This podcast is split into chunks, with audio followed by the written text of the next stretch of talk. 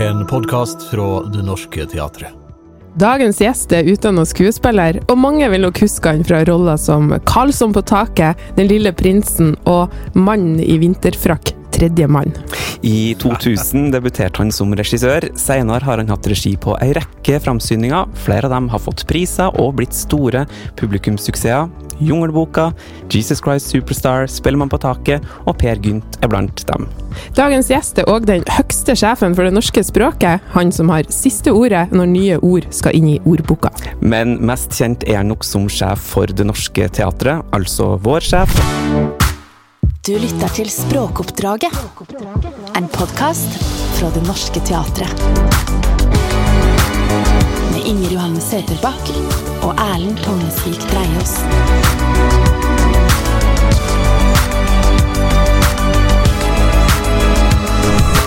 Velkommen til Språkoppdraget, Erik Ole Kristian Ulfsby. Det var en raus intro. Takk. Tenker du ofte på de rolletolkningene? Jeg, nei, jeg gjør ikke det ofte, altså, men det er et bilde av eh, som henger ute hos Astrid, som er min sekretær, da, henger et bilde av meg som Karlsson på taket i Molde. Så det ser jeg jo på av og til, da. Ja. Så husker jeg på det. Og så så jeg at du har steppa inn senere som Karlsson på taket i Bergen.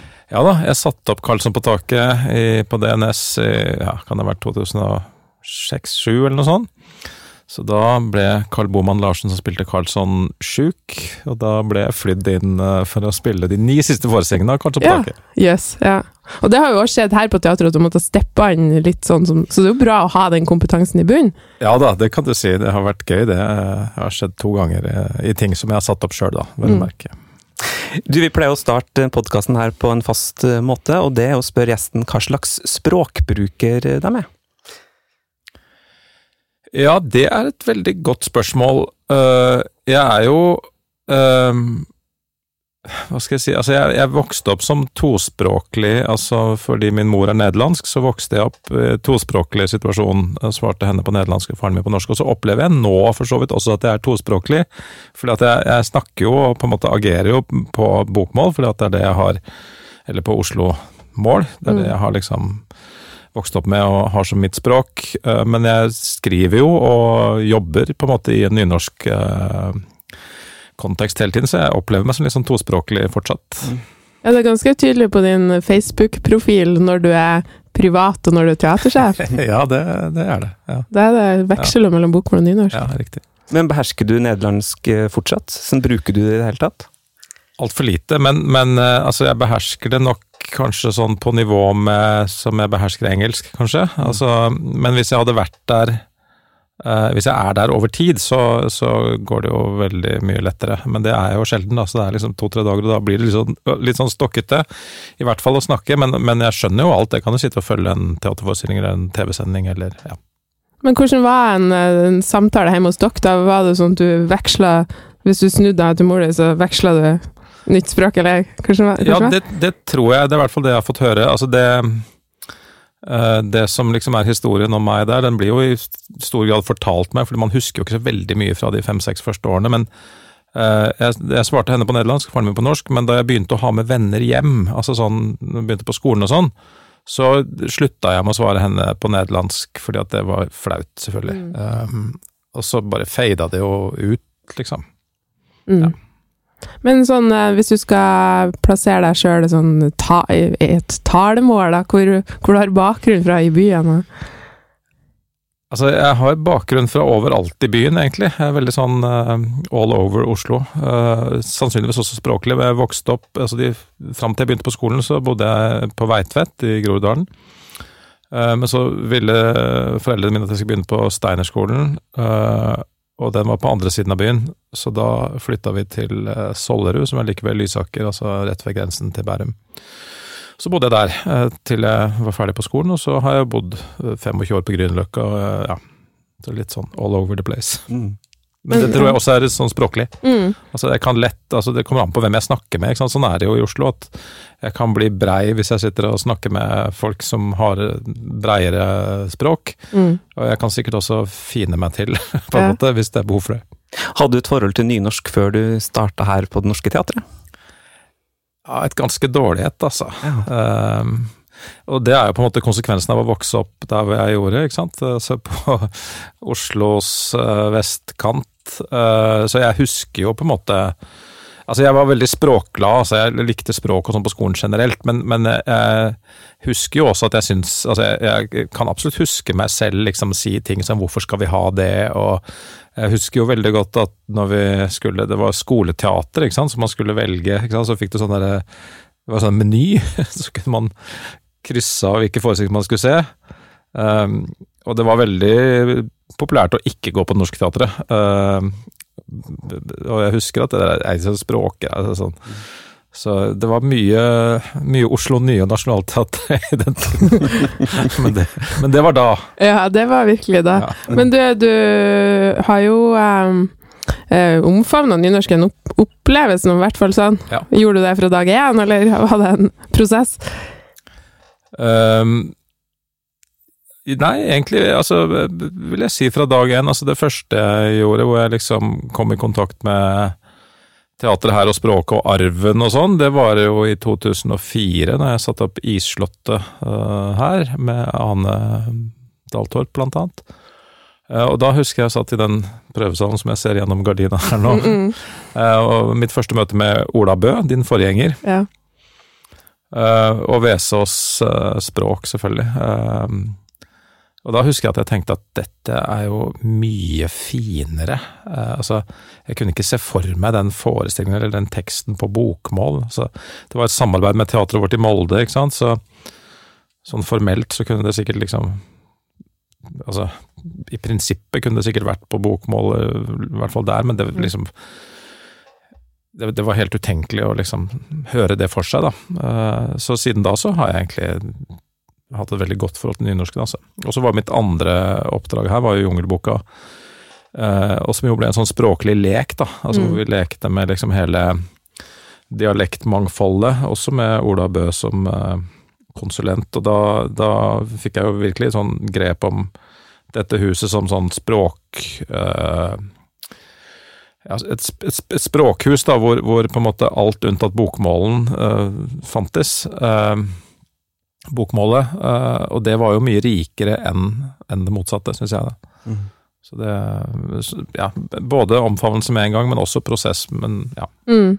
Ja, for det, det som kan oppfattes som et, noe som er strengt og lukka, åpner jo òg for den type ting som dere gjorde med Jungelboka den gangen. Ja, ja. Fordi vi er et språkhus, liksom. Ikke sant, og det ser man jo, ikke at verken jeg eller Norsk Teater skal ta æren for det, men, men eh, Det Norske Teatret over tid kan ta ære for at man ser jo at andre teatre, f.eks. Nationaltheatret, i langt større grad benytter seg av dialekter enn de gjorde før. fordi at man, man har kanskje sett altså, at Det Norske Teatret tjener på det, ikke sant? Altså, mm. både kunstnerisk og på annen måte. Så um, der har jo man satt et uh, stempel.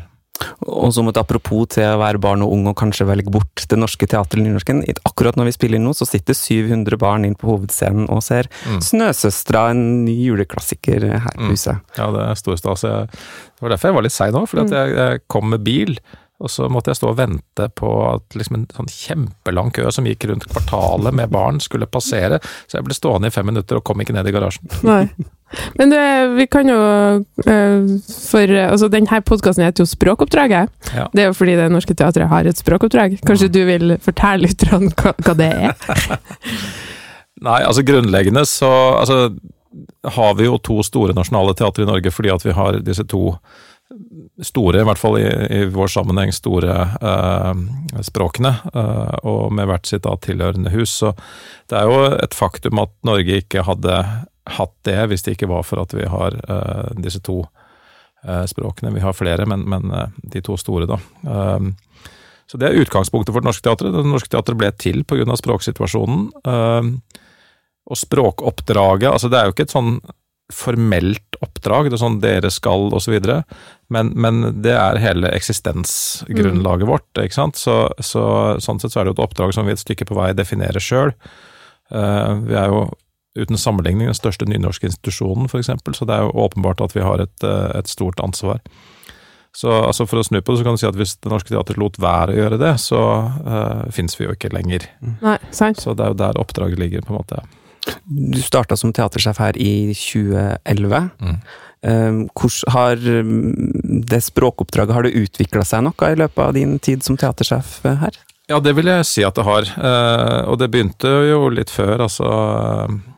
Altså På en måte så mener jeg at altså, Jungelboka var på mange måter en sånn slags milepæl for teatret. altså Både fordi at man henvendte seg ungt og urbant, og, og fikk det som en del av sin eh, profil, eh, men også fordi at eh, ja, så i særlig grad selvfølgelig Ola Bø og andre har bidratt til å liksom omfavne nye språklige tendenser i, eh, i, det urbane, da. Og det har jo vi eh, forsterket eh, de siste årene, altså mens jeg har vært her, ikke sant? med at vi har Altså både hatt en egen eh, utdanning som har hatt noen større friheter språklig, eh, og vi har etablert en ny scene på Rommen som jo har eh, større Altså har utvidet språkmandatet til Det Norske Teatret litt, da. Um, det, det, er fortsatt sånn at nynorsken eh, er vår eh, bunnplanke og vil alltid være det, eh, men også det nye norske, som, som vi har snakket om noen ganger. Mm. Og, det, er jo noe du har jobba mye med på mange måter som teatersjef, det nye norske? Ja, det har vært en sånn eh, overskrift. Eh, mm. Ja.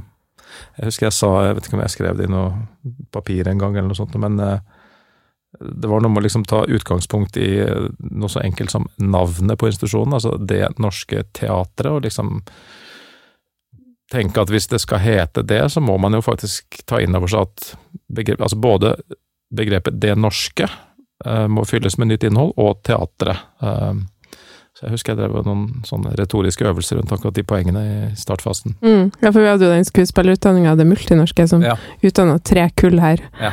Og det handler jo om å utvide ja, det norske. Mm. Absolutt. Hvordan har det prosjektet blitt møtt? Eh, har du opplevd Har det blitt hylla, eller har du møtt motstand også, med den her, å utvide begrepene eller boksene og måten å tenke på?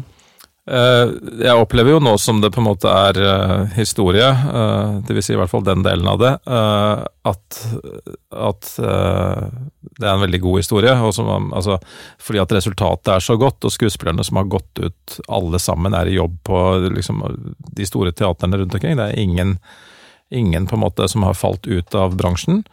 Sånn som man kan oppleve selvfølgelig fra andre utdanninger, fordi at det er mange om beinet. og ja, Sara står og fronter Kristin Lavransdatter. Så, så, så, prosjektet er omfavnet, opplever jeg, av eh, både bransjen og, og, samfunnet på den måten. Eh, så var det jo noen kritiske stemmer eh, i startfasen. men det gikk mer på det derre Hva skal vi si, det skulle være sånn en eller annen sånn der motsatt diskrimineringsgreie, liksom. At det skulle være forbeholdt liksom, personer som hadde bakgrunn utenfor Europa, var ikke det litt uh, dårlig gjort, liksom? Men det var, det var marginale ja, Jeg opplevde ikke det som noe tung motstand, nei.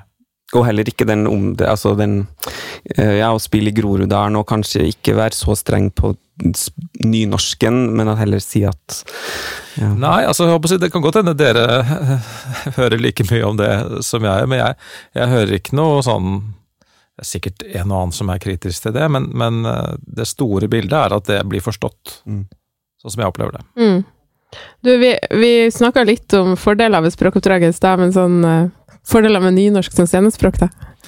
Ja, det, der kunne jeg brukt en halvtime, altså. ja, du, må bare, uh, bare bruk en halvtime, det. nei, uh, altså Av et moderne repertoar så vil jeg si at det er en forsvinnende liten del uh, 5% eller noe sånt, noe maksimum, liksom, som eh, Som er av den type Altså sånn realisme i et børsmiljø, eller sånn snappy, snappy, snappy, så, som på en måte Man må erkjenne at kanskje har det bedre i, med, med et, et, bokmål, altså fordi at det liksom Det er den type miljøer og mm. Ikke sant? Men de andre 95 av et teaterrepertoar består jo av eh, klassiske tekster, tekst på vers, ting som er løftet ut av realismen, det er jo brorparten av det vi gjør. Uh, ting knytta til musikk osv. Og, så videre, og, og alt det har det på en måte i mine øyne helt udiskutabelt bedre på nynorsk.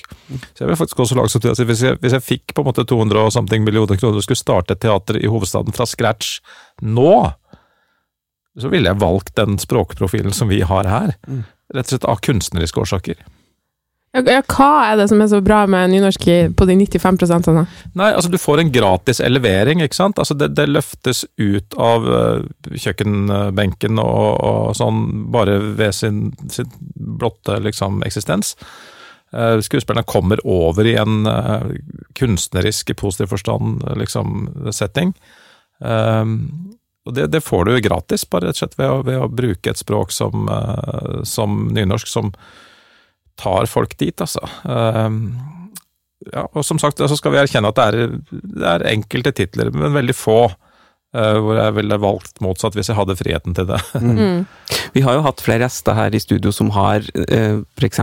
Kjersti Horn, som satt opp Kristin Lavransdatter, mm. også skuespillere som har snakka om at språken, de nynorske språkene har gitt en slags motstand. De mm. måtte liksom igjennom språket på en annen måte. Ja. Så det gjør nok noe også kanskje med den kunstneriske ja, prosessen klart. du må gjennom. Ikke sant, Definitivt. Og Kristin Lavransdatter er jo et altså, Nå er det veldig vakkert på originalspråket også, altså, det skal sies, men, men altså det som skjer når det kommer over på nynorsken, øh, og møter en sånn øh, form som, som, Kjersti Horn har valgt, altså hvor du får liksom kontrasten mellom det liksom eleverte og rølpet, på en måte, eh, så blir jo det en skikkelig kraftfull cocktail, altså. Mm. Og så er jeg glad for at du drar frem, når du sier 5% som ikke egner seg på nynorsk, at du drar frem noe som altså, som ikke er, som er da børs, eller som er sånn finans. Altså ja, ja. At, ikke, at, du ikke sier Nei, det er jo veldig rart å snakke om rølp på nynorsk, for noen vil jo tenke at nynorsk er nærmest hellig. Ja, ja. Det. Nei, altså, nå skal jeg bare si at jeg sa ikke 'ikke eider seg', jeg sa bare 'taper litt'. Ja, ja, det gjorde det. Ja, vi har jo, men, og vi har jo hatt min... et stort finansstykke her. Ja, ja, altså, Lehmann-trilogien var jo Ja, ja, absolutt. Men, men, vi hadde en annen, eh, og det var min åpningsforestilling, faktisk, uh, Enron på hovedscenen, som som eh, som jeg tror liksom ville sånn, ja, det, det, ville tjent på en sånn uh, Oslo Vest-sjargong, på en måte. Mm. Kan du si også noe om uh, repertoaret, hvordan du har tenkt det, også i en språklig uh, kontekst, eller har det vært noe bevisste valg der?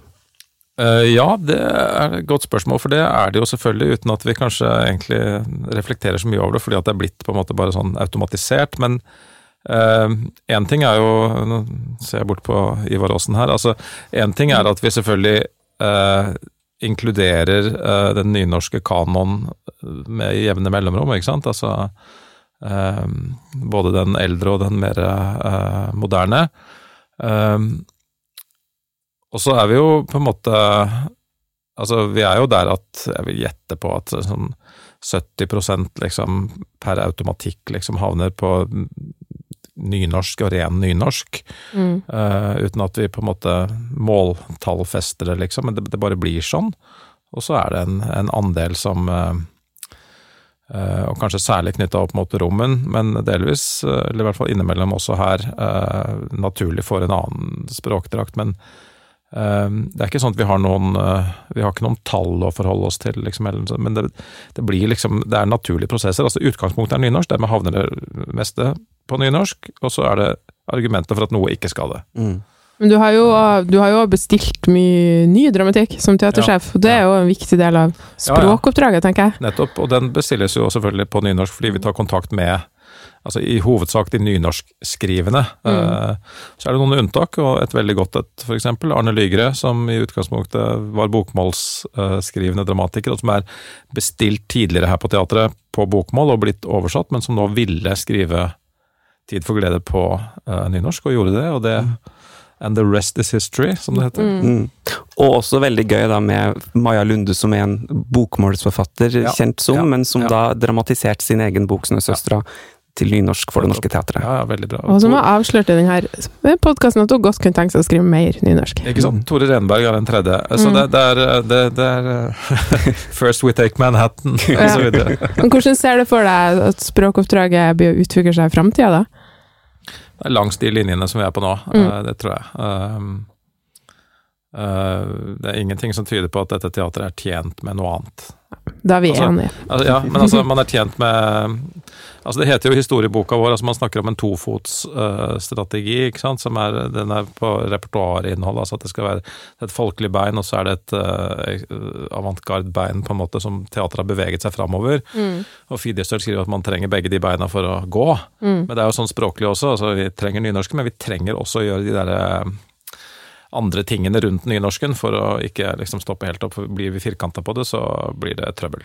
Ja, og det tenker jeg også som, som jobber med det her i daglig, at, at, det er noe med å hele tida vise at vi har en bevissthet rundt det vi gjør, og at ja. noen har tenkt at uh, som regel ender vi opp å gjøre ting ganske sånn eh, rett på nynorsk, men at det òg eh, gjøres eh, altså Det tenker at man, da, man tjener på det litt sånn omdømmemessig og forståelsen av det vi holder på med, hvis man nå gjør noen unntak, da. Ja, ja. Som er liksom eh, begrunna. Og så har jo de unntakene bidratt til at eh, altså er, Jeg tror det er en relativt ukontroversiell påstand å si at Det Norske Teatret i dag er på en måte det det teatret med yngst og mest urban profil i hovedstaden. Og det, det, det, Da har de språklige grepene vært uh, med på å gjøre det. Ikke sant? Blokk til blokk, liksom. Mm. Altså, må åpenbart spilles på det språket de gutta har. Uh, ja. Men så åpner jo den forestillinga for en refleksjon rundt språk og identitet. Som kanskje det ja. Men du, vi, har, vi, gikk jo gjennom karrieren din her innledningsvis. Ja, ja, ja. Utdanna skuespiller, etter hvert begynt med regi, og så ble du leder for en stor institusjon.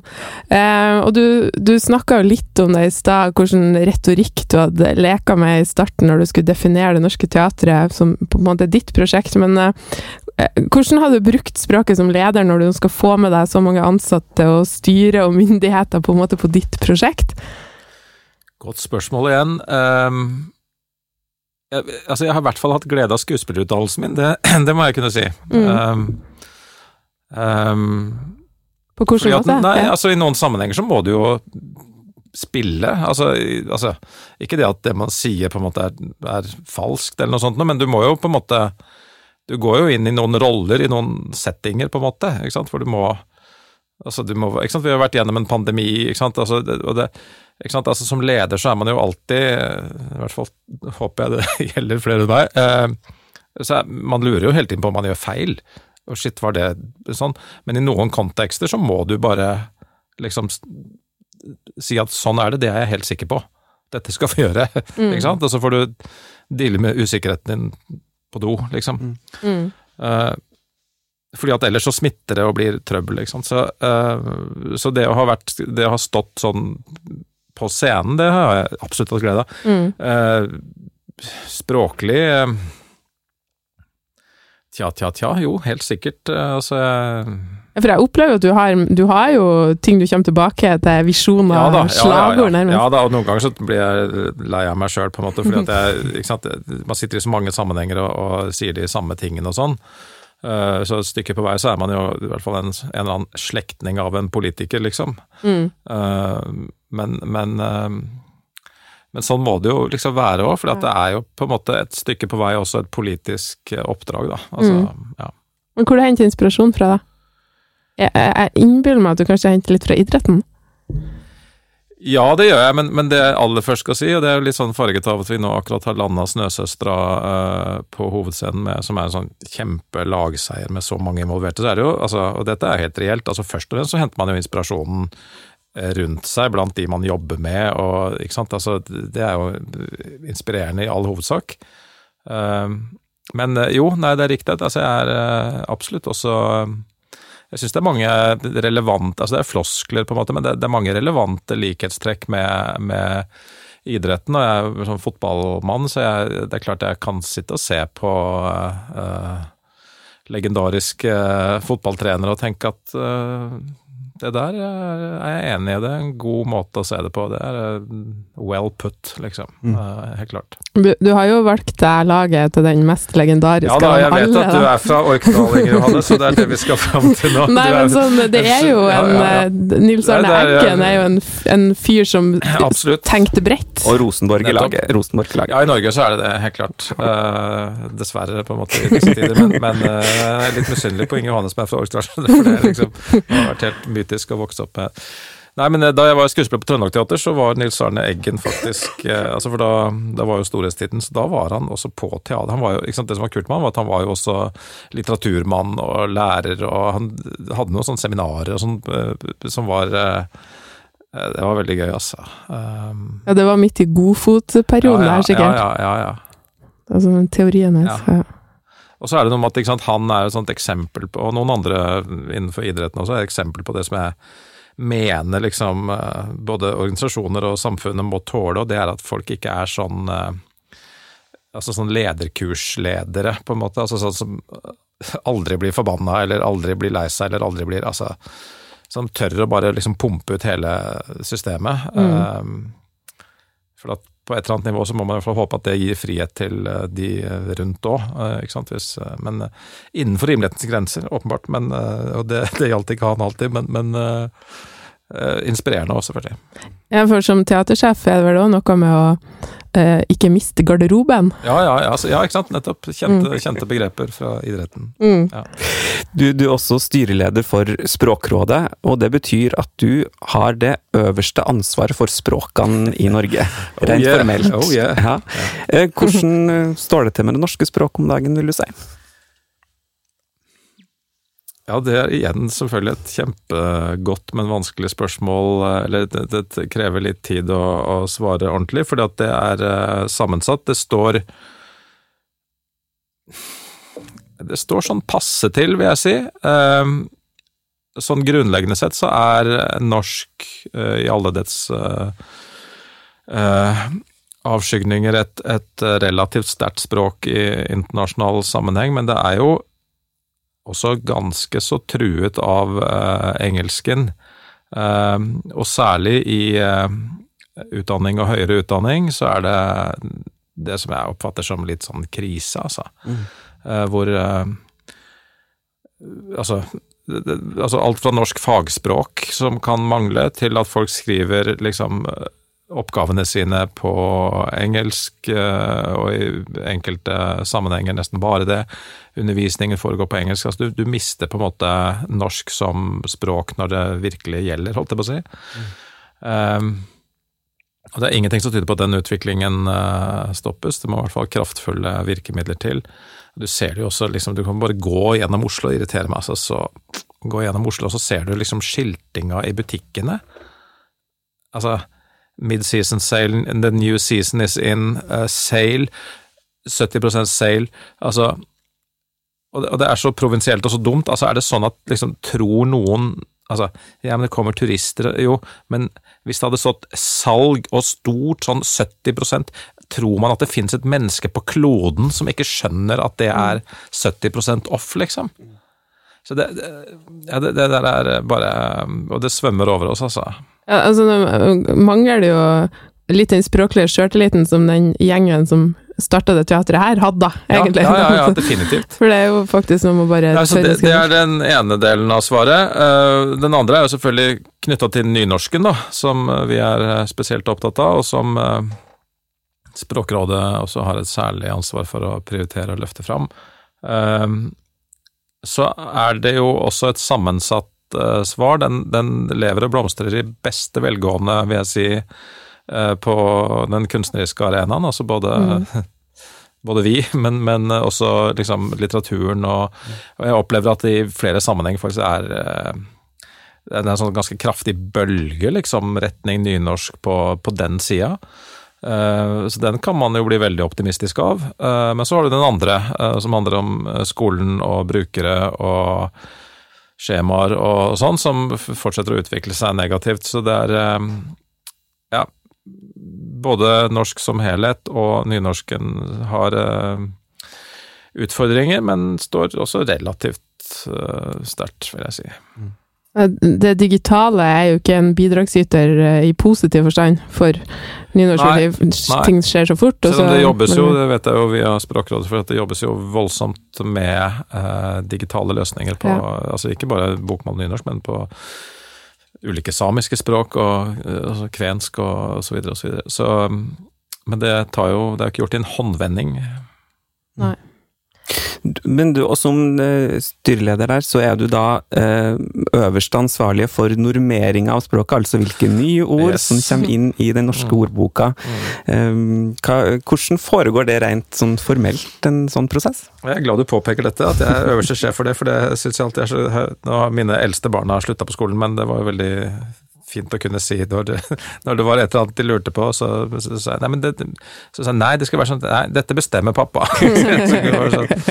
så, men nei da, men det foregår ikke helt sånn i praksis. Det er selvfølgelig heldigvis sånn at det er eh, fagfolk eh, som eh, tilrår, da. Ikke sant? Det kommer med anbefalinger til styret, og så skal det jo veldig mye til at ikke det blir banka gjennom i styret. Men eh, det hender at det er noen ting man har diskusjoner om, altså, så, altså politisk betydning. Eksempel hen, som er noe av det siste som vi har eh, normert uh, banka gjennom. Eh, men i hovedsak så er det sånn, eh, ja Variasjoner i kjønn og sånn som mm. fagfolk eh, har mer greie på enn meg. For hva er diskusjonene da i et sånt styremøte om hen, for eksempel, som er et ord som man vet mange vil sikkert ha en sterk mening om skal inn i ordboka eller ikke? Noen vil jo si at det kom seint, for eksempel. Altså pronomen, da, som eh, Han, hun, hen. Ja.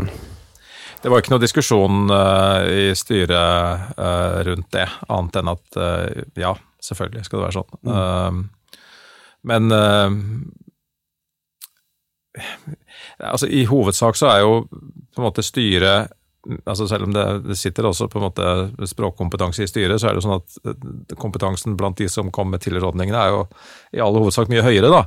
Så det blir jo eh, ja, diskusjonene bærer jo preg av det, selvfølgelig. At man i all hovedsak eh, lener seg på det som blir, eh, det som blir lagt fram. Eh, eh, ja. Har du vært med på noe kontroversiell normeringer, eller liksom noe som har skapt stor debatt? Ikke stor debatt i samfunnet, men det er jo noen ting som på en måte for meg eh, går utenfor alle radarer, men som kan skape debatt i enkelte språkmiljøer, liksom. Mm.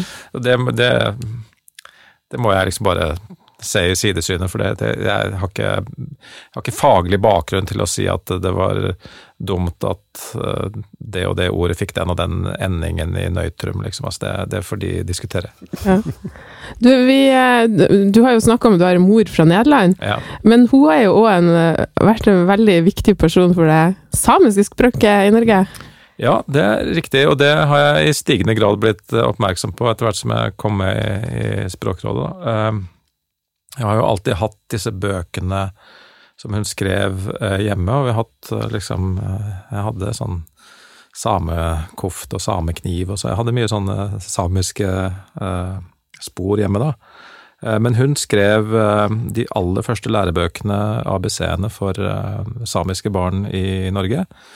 Det fantes ikke før hun kom, og fikk et oppdrag fra hva het det da, Kirke- og et eller annet barnedepartementet. Eh, Så hun hadde Hun var to år i Karasjok og hadde annet eh, første sametingspresidenten Ole Henrik Magga som elev, Ah, og wow. mange av disse eh, samiske størrelsene og pionerene. Eh, Men hun hadde Hun er jo fra Nederland, og der er det også en tospråklig eh, De har frisisk, som er et, et annet språk, og et markert annet språk, liksom. Mm. Så hun kjente til Hun var utdanna lærer fra Nederland, så hun kjente jo til tospråklig undervisning i det området. Så da hun kom til Karasjok, så så hun eh, det behovet, og så fikk hun noe midler for å dra tilbake til Nederland og eh, studere. Og hun dro også til Wales, som også er en sånn tospråklig eh, pioner, da. Eh, og tok med seg prinsipper eh, tilbake, og så var hun eh, i Karasjok i to år og skrev de aller første læremidlene for samiske barn i Norge. Så det var morsomt når jeg var der oppe nå med Språkrådet, så hadde jeg med én bok som jeg hadde hjemme. Ja. Så det var gøy å vise til flere sånne språk- og skolefolk i, i, de samiske miljøene, for de ble, de ble veldig begeistra for det. altså. Ja, det er jo kjempe... det har vært et viktig, viktig arbeid. Ja, og at det måtte en, en lærer fra Nederland til Ja. for å Ja, ja, ja. Og navnet til mora di, sånn hvis noen vil søke opp eh, det her. Hun heter Ines med Z Boon. B-o-o-n. ja. Um, vi skal eh, begynne å runde av etter hvert her nå, men først tenkte vi at vi ville høre bitte litt om eh, det nye regiprosjektet som du har til våren, over jul. Mm. Eh, som rett og slett også er en klassiker. Eh, Shakespeares Rom og Julie. Ja. Men en litt annerledes versjon. Ja, det får vi tro. Eh, Eller det må det jo bli, eh, fordi eh, eh, Romeo og Julie spilles av Svein Tindberg og Liv Osa, og Svein blir jo 70 nå. Og skal jo gå av som fast skuespiller ved teatret, og Liv er noen år yngre, jobber jo på Nationaltheatret fast. Men utgangspunktet var dette at Svein skulle gå av, og så tenkte jeg at vi måtte liksom finne finne en god forestilling for han, og så har han jo altså, Kan ikke finne en monolog, for å si det sånn, han har jo gjort, gjort sine, sine monologer. Um, og så visste jeg jo at uh, hans, uh, altså, dette huset åpna med Romeo og Julie, med Svein og Liv. I lenge, 85. 1985. Mm. Og så har jeg jo sett mange Romeo og Julie, inklusiv en veldig fin en som vi hadde her for noen år siden. Eh, Men det har liksom også alltid slått meg, selvfølgelig særlig etter hvert som jeg har blitt litt mer språkbevisst og eldre, så, så er det jo sånn at du liksom per naturlov, eh, når du setter eh, unge mennesker i de rollene og med den teksten, så vil du få masse ungdom og masse trøkk, men du vil jo ikke få erfaring med kjærligheten, selvfølgelig. Altså begrenset, i hvert fall. Eh, og du vil heller ikke få på en måte eh, språklig eh, tyngde nok til å liksom kunne yte de versene, da, som dette jo er, eh, full rettferdighet. Så tanken var da å snu på det og la de eldre eh, skuespillerne spille de unge rollene, og de unge skuespillerne spille de eldre rollene. Eh, og også litt fordi at det kanskje også er en eh, Altså Når Svein går av, ikke sant, eller hans generasjon nå, så er det jo kanskje også et eller annet som går ut døra som vi eh, kanskje kommer til å savne, eller en eller annen kompetanse og en eller annen tilnærming som, eh, som vi må bare være litt oppmerksom på at går ut døra. Um, og så skal da omsekkjaren sjøl, Edvard Hoem, eh, være med på scenen. Han skal debutere som skuespiller eh, i rollen som fyrsten av Verona. Eh, Så det er også et, et prosjekt hvor vi ser for oss at vi skal ha litt språklig diskusjon kanskje underveis. Altså, man kan stoppe og snakke med Edvard om hvorfor har du valgt å si det slik, liksom. Mm. Så vi får se. Vi begynner om et par uker, så ja. det her, her er masse mat for språkoppdraget, hører Ja da, det vil det nok være. Det er et, eh, et språkprosjekt på mange måter. Ja, absolutt, ja, for det gjør vel noe med replikkene når det er altså, skrevet for at en 14-15-åring skal Ja, si det, og ja. så er det nå en 70-åring som Ja. sier de samme ordene. Hva gjør Ja. det med opplevelsen av, og betydningen og tyngden av ordene? Nettopp. nettopp. Uh, ja, så det er vi nysgjerrige på, rett og slett. Jeg har ikke svaret ennå. Men jeg har en mistanke om at man vil i hvert fall lytte til teksten på en annen måte. Eh, fordi at, ikke sant, Jeg vet ikke hvor gammel Shakespeare var da han skrev dette, men han var i hvert fall ikke 13 eller 14 eller 20. Eh, så det er klart, han legger jo også ord i munnen på unge skuespillere som de vil streve med å kunne liksom forstå fullt og helt, da, for rett og slett bare fordi at de er unge. Mm. Jeg syns jo det er fint eh, å vise fram eh, måte kompleksiteten i et eh, arbeid med et teaterstykke, med at faktisk omsetteren Hvis du skal ansvarliggjøre ja, ja, ja. omsetteren i Fordi omsetteren er jo også viktig, spesielt for det her teatret, da. Mm, At hun må, for, liksom, må stå til ansvar for sine valg. Nettopp. nettopp. Som har gjort en, veldig mange Shakespeare-stykker gjendikta. Nesten alle skjønt, jeg tror det er tre igjen eller noe sånt. Mm. Ja, men det blir jo kjempespennende. Mm. Du, vi har hatt noen eh, Det har vært noen tøffe år å være teatersjef. Er Annerledes år. Det har det vært. Ja. Og teatret har jo virkelig fått kjent på de krisene som har vært. Mm. Hvordan eh, ser du for deg veien videre for teatret som kunstform? Det ser jeg veldig lyst på, eh, fordi at det er så mye annet rundt oss som akselererer og som irriterer og går så fort at jeg tror det derre rommet for å liksom samles og, og skru av. Eh, det kommer til å bli mer og mer populært, da, tror jeg. Eh, men eh, det vil nok Altså, nå, nå kjenner vi vel kanskje sånn normalitet i, i, forhold til publikum, da. Og det har kommet de siste to månedene, kanskje. Halvannen-to månedene. Nå selger vi jo billetter som vi er vant til. Mm. Og vel så det, kanskje, akkurat nå. Uh, men ja, det, er litt, uh, det er litt spennende, altså. For det er klart at nå Det er liksom vanskelig for oss å si også, fordi at vi har hatt, heldigvis vil jeg si, en sånn ekstraordinært vellykka kunstnerisk hovedsceneperiode her, med med liksom terningkast seks på, på, veldig mye, og, og, da kommer det folk. Men det kan hende at man er blitt mer sårbare nå at altså, Tidligere så var det sånn at hvis du, bare for å bruke disse banale terningene som parametere, altså hvis du liksom Fikk du fire og fem, så gikk det bra, liksom. Nå kan det virke som du må få liksom fem og seks. For at, altså, det virker som publikum er mer selektive. altså De går på det de har hørt er helt sånn sinnssykt bra. Og det er klart, mm. med stigende eh, renter og strømpriser og sånn, så, så, vil de nok velge veldig sånn kresent, da. Og da det betyr det bare at vi må være enda bedre, rett og slett. Men, men det er akkurat nå, altså, med disse omstendighetene i verden som er nå, jeg tror liksom på sånn mellomlang og lang sikt, så tror jeg teatret kommer til å stå seg veldig bra. Ja, vi har jo sett viktigheten av publikum, i hvert fall. Vi hadde jo ja, ja. lange perioder der vi ikke fikk spille for folk mm. under pandemien. Men du har jo noen år igjen som teatersjef på Norske Teatre, hvordan skal vi utvikle oss?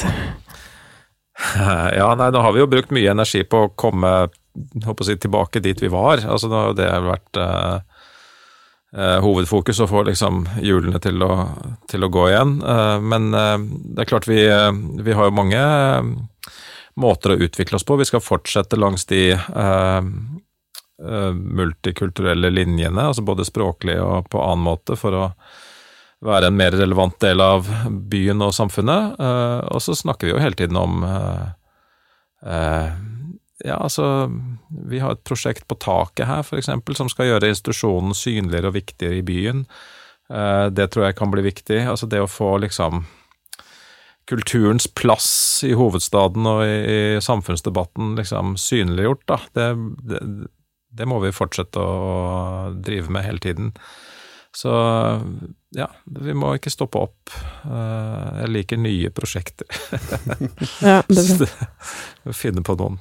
Ja, så mm. da får endelig Sånn at rett og slett bokstavelig talt blir et, eh, et høyere tak over eh, ja, teatret. jeg syns det var et uh, godt poeng som vi snakket om i en sammenheng her, um, at hvis man ser på Det Norske Teatret som på en måte det store minoritetsprosjektet i Teater-Norge, da, for det er det jo. Altså det er eh, altså nynorsken Altså hele bakgrunnen er på en måte et minoritetsløft. Mm. Og så har vi fortsatt det, og så snakker vi kanskje også om å gjøre vår del av eh, det samiske enda tydeligere. Altså at Beivars, som jo er her, kan få enda mer plass her og sånn. Eh, så da går det an å se på det taket, altså som er den beste tomta i landet, liksom som en, et løft, en oppreisning, liksom. Mm. Um, så ja, det er sånne ting vi må snakke om. Mm. Mm.